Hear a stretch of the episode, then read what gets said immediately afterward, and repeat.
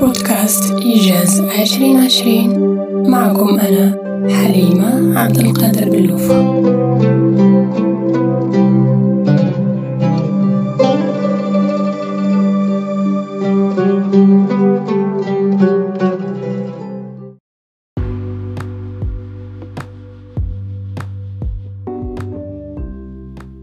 ما يميز الحياة؟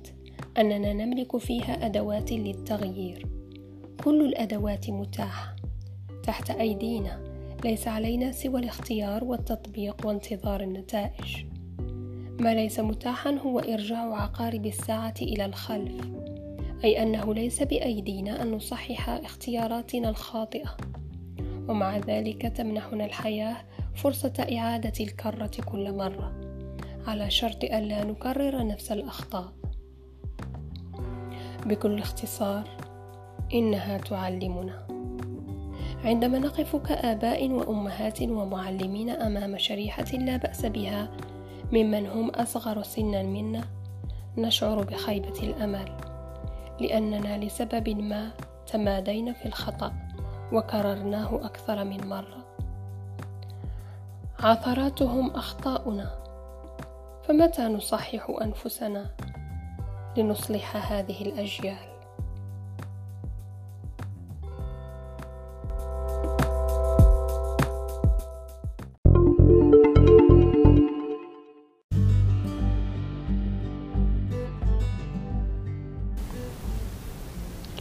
السلام عليكم ورحمة الله تعالى وبركاته.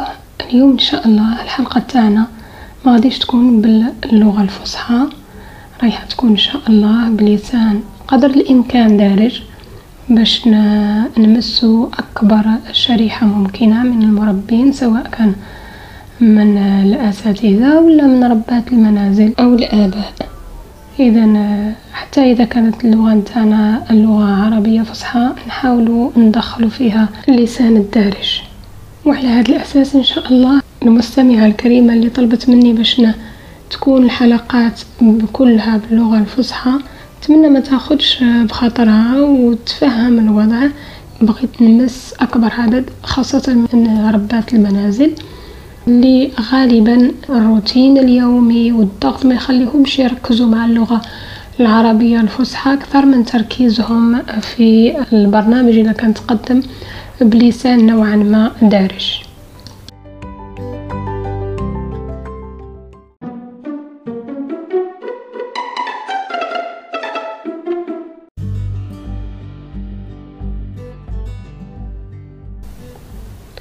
نبداو بحلقتنا على بركة الله. اليوم إن شاء الله حلقتنا غادي تكون مميزة لزوج أسباب. السبب الأول أنها نوعا ما تكون بلسان دارج والسبب الثاني أن هذه الحلقة هي حلقة تطبيقية قدر الإمكان. بعد ما كنا قد اعتمدنا في الحلقات السابقة على الجانب النظري والجانب النظري أنا حاولت نبتعد عنه أسباب أيضا. السبب الأول ابتعدت على الجانب النظري المباشر. يعني ما نعطيكمش النظرية مباشرة قال فلان ولا قال فلان إنما التوجيهات والنظريات إن شاء الله تكون ضمن هذه التطبيقات اللي غادي نشوفوها خلال الحلقة. بالقدر اللي يوضح لنا الفكرة نتاع هذه النظرية وعلاش إحنا اخترناها بالتحديد. آه الشيء الثاني ركزنا على الجانب العملي. خاطرش هو الأقرب إلى الحاجة اللي نبغو نطبقوها ميدانيا. الحاجة الثالثة هي بغينا هاد الحلقات تكون أكثر حيوية لأننا كي نسمعو ملي غادي نقراو كتاب ولا نقراو مقال حنا ما ناخدوش هاد الكتاب جملة وتفصيلة ناخدو منه الأشياء اللي تهمنا في حياتنا اليومية. وعلى هذا خاصنا نبينو زوج حوايج مهمين. الحاجة الأولى هي أن هاد التجارب اليومية اللي غادي نسمعوها في الحلقات هي فقط توضح لنا أو تسلط لنا الضوء على جانب من هذه المشاكل اللي يتلقاها المربي مع الطفل أو مع التلميذ. الشيء الثاني ممكن لنا نكون من خلال طرح هذه المواضيع كل واحد يعطي رأيه كل واحد يعطي التجربة تاعه لأن واحد وحده ما يقدرش يعطي تجربة كاملة متكاملة. بصح لو كان طرحه مش كلمة وكل واحد يبين لنا وجهة نظره كل واحد يعطينا التجربة نتاعه نكون أكثر تكاملا. إذا نبدأ على بركة الله. الحلقة تاعنا لنهار اليوم والتي آه، اخترت لها عنوان هو الروتين اليومي.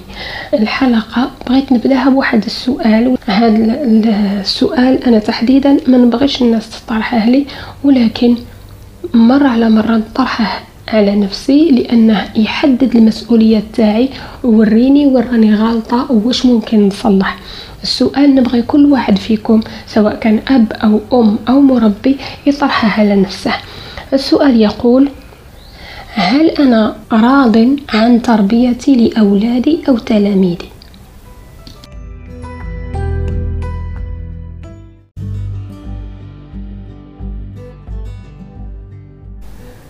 السؤال اللي يبدأ بهل نتوقع أن الإجابة عليه تكون إما نعم أو لا ولكن هذا السؤال تحديدا تكون الإجابة عليه بنعم بنسبة معينة ولا بنسبة معينة. خطرش ماشي حنا راضيين مئة بالمئة على تصرفاتنا مع أولادنا. لذا حنا نروحو من الجهة نتاع لا. أنني غير راضي. على هاد النسبة اللي ممكن تكون واحد بالمئة ممكن تكون تسعين بالمئة. وممكن تكون مية بالمئة في آه، حالات قليلة جدا. قبل ما نبداو بغي ندير اتفاق بيني وبينكم. هذا الاتفاق فيه جزئين أو فيه نقطتين.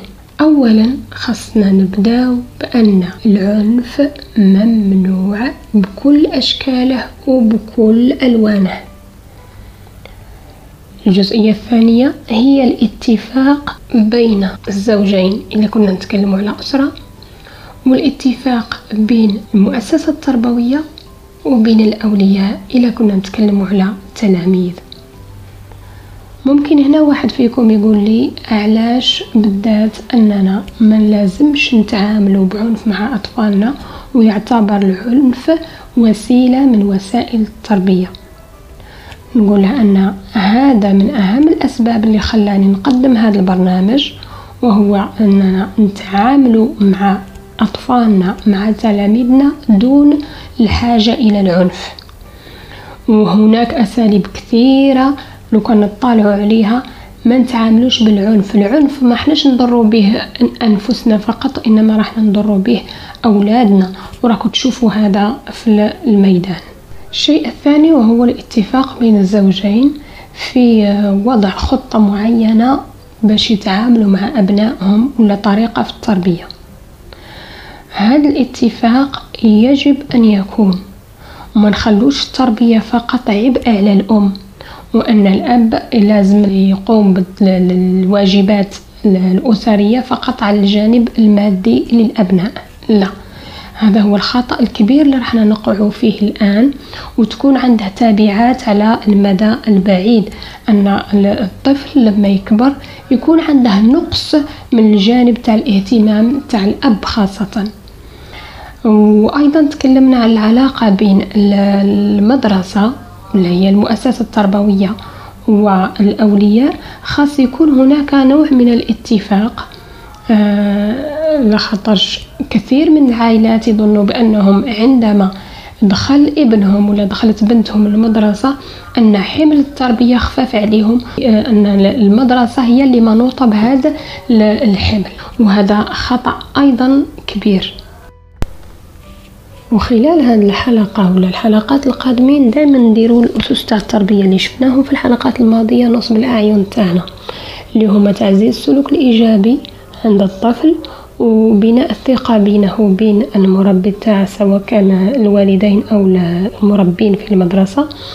آه، التعامل بإيجابية مع السلوك الإيجابي والعلاقة أو ما سميناه بربط العلاقة الإيجابية بين الطفل وبين المربي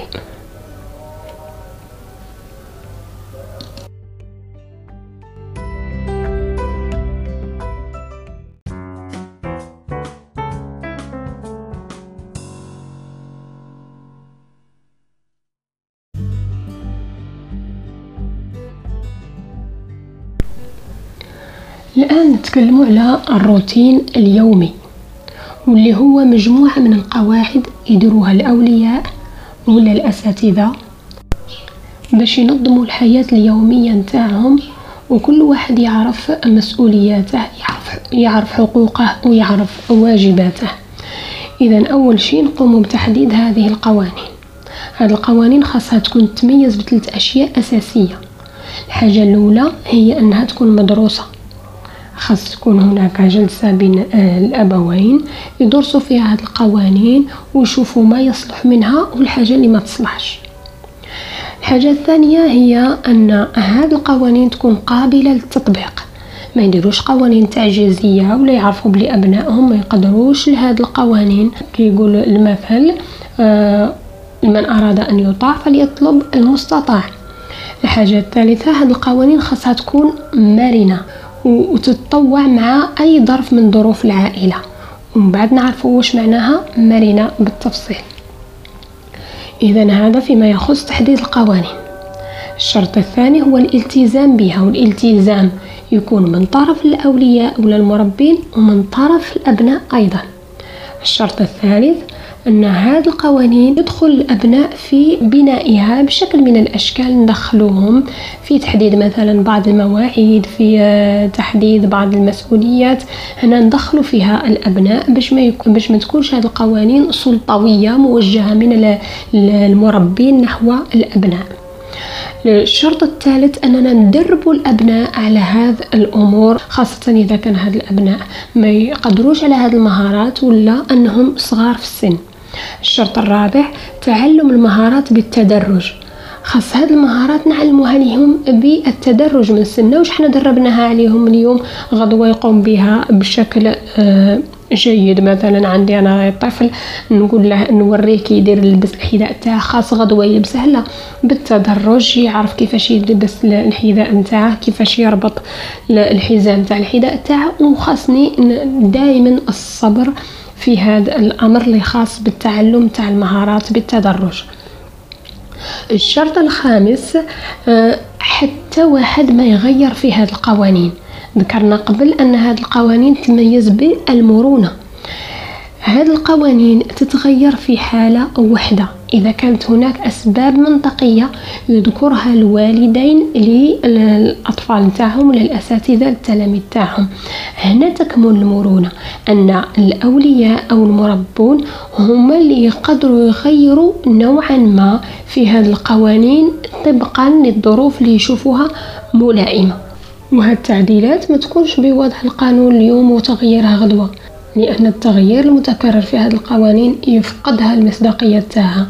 يكون هذا التغيير طبقا للحاجة وخاصنا نعلم الأطفال ولا الأبناء علاش قمنا بهذه التغييرات. كانت هذه إذا بعض النقاط الخاصة بالروتين اليومي. شاركونا أنتم أيضا آراءكم وبعض القواعد اللي ممكن ديروها في الروتين اليومي باش نتبادلوا إن شاء الله المعلومات بيناتنا وتكون الفائدة عامة بإذن الله. ما نساوش نشكر الأستاذ بالمامون اللي شاركت المنشور تاع الخاص بقوانين الأسرة. على الصفحة تاعنا إيجاز عشرين عشرين. أيضا غادي نشارك لكم بعض القوانين الخاصة بالروتين اليومي لصاحبها فهد الأحمدي صاحب كتاب نظرية الفستق على الصفحة تاعنا. شكرا لمتابعتكم شكرا لاهتمامكم وأعدكم من الآن أن الحلقة القادمة إن شاء الله تكون متميزة. إلى اللقاء.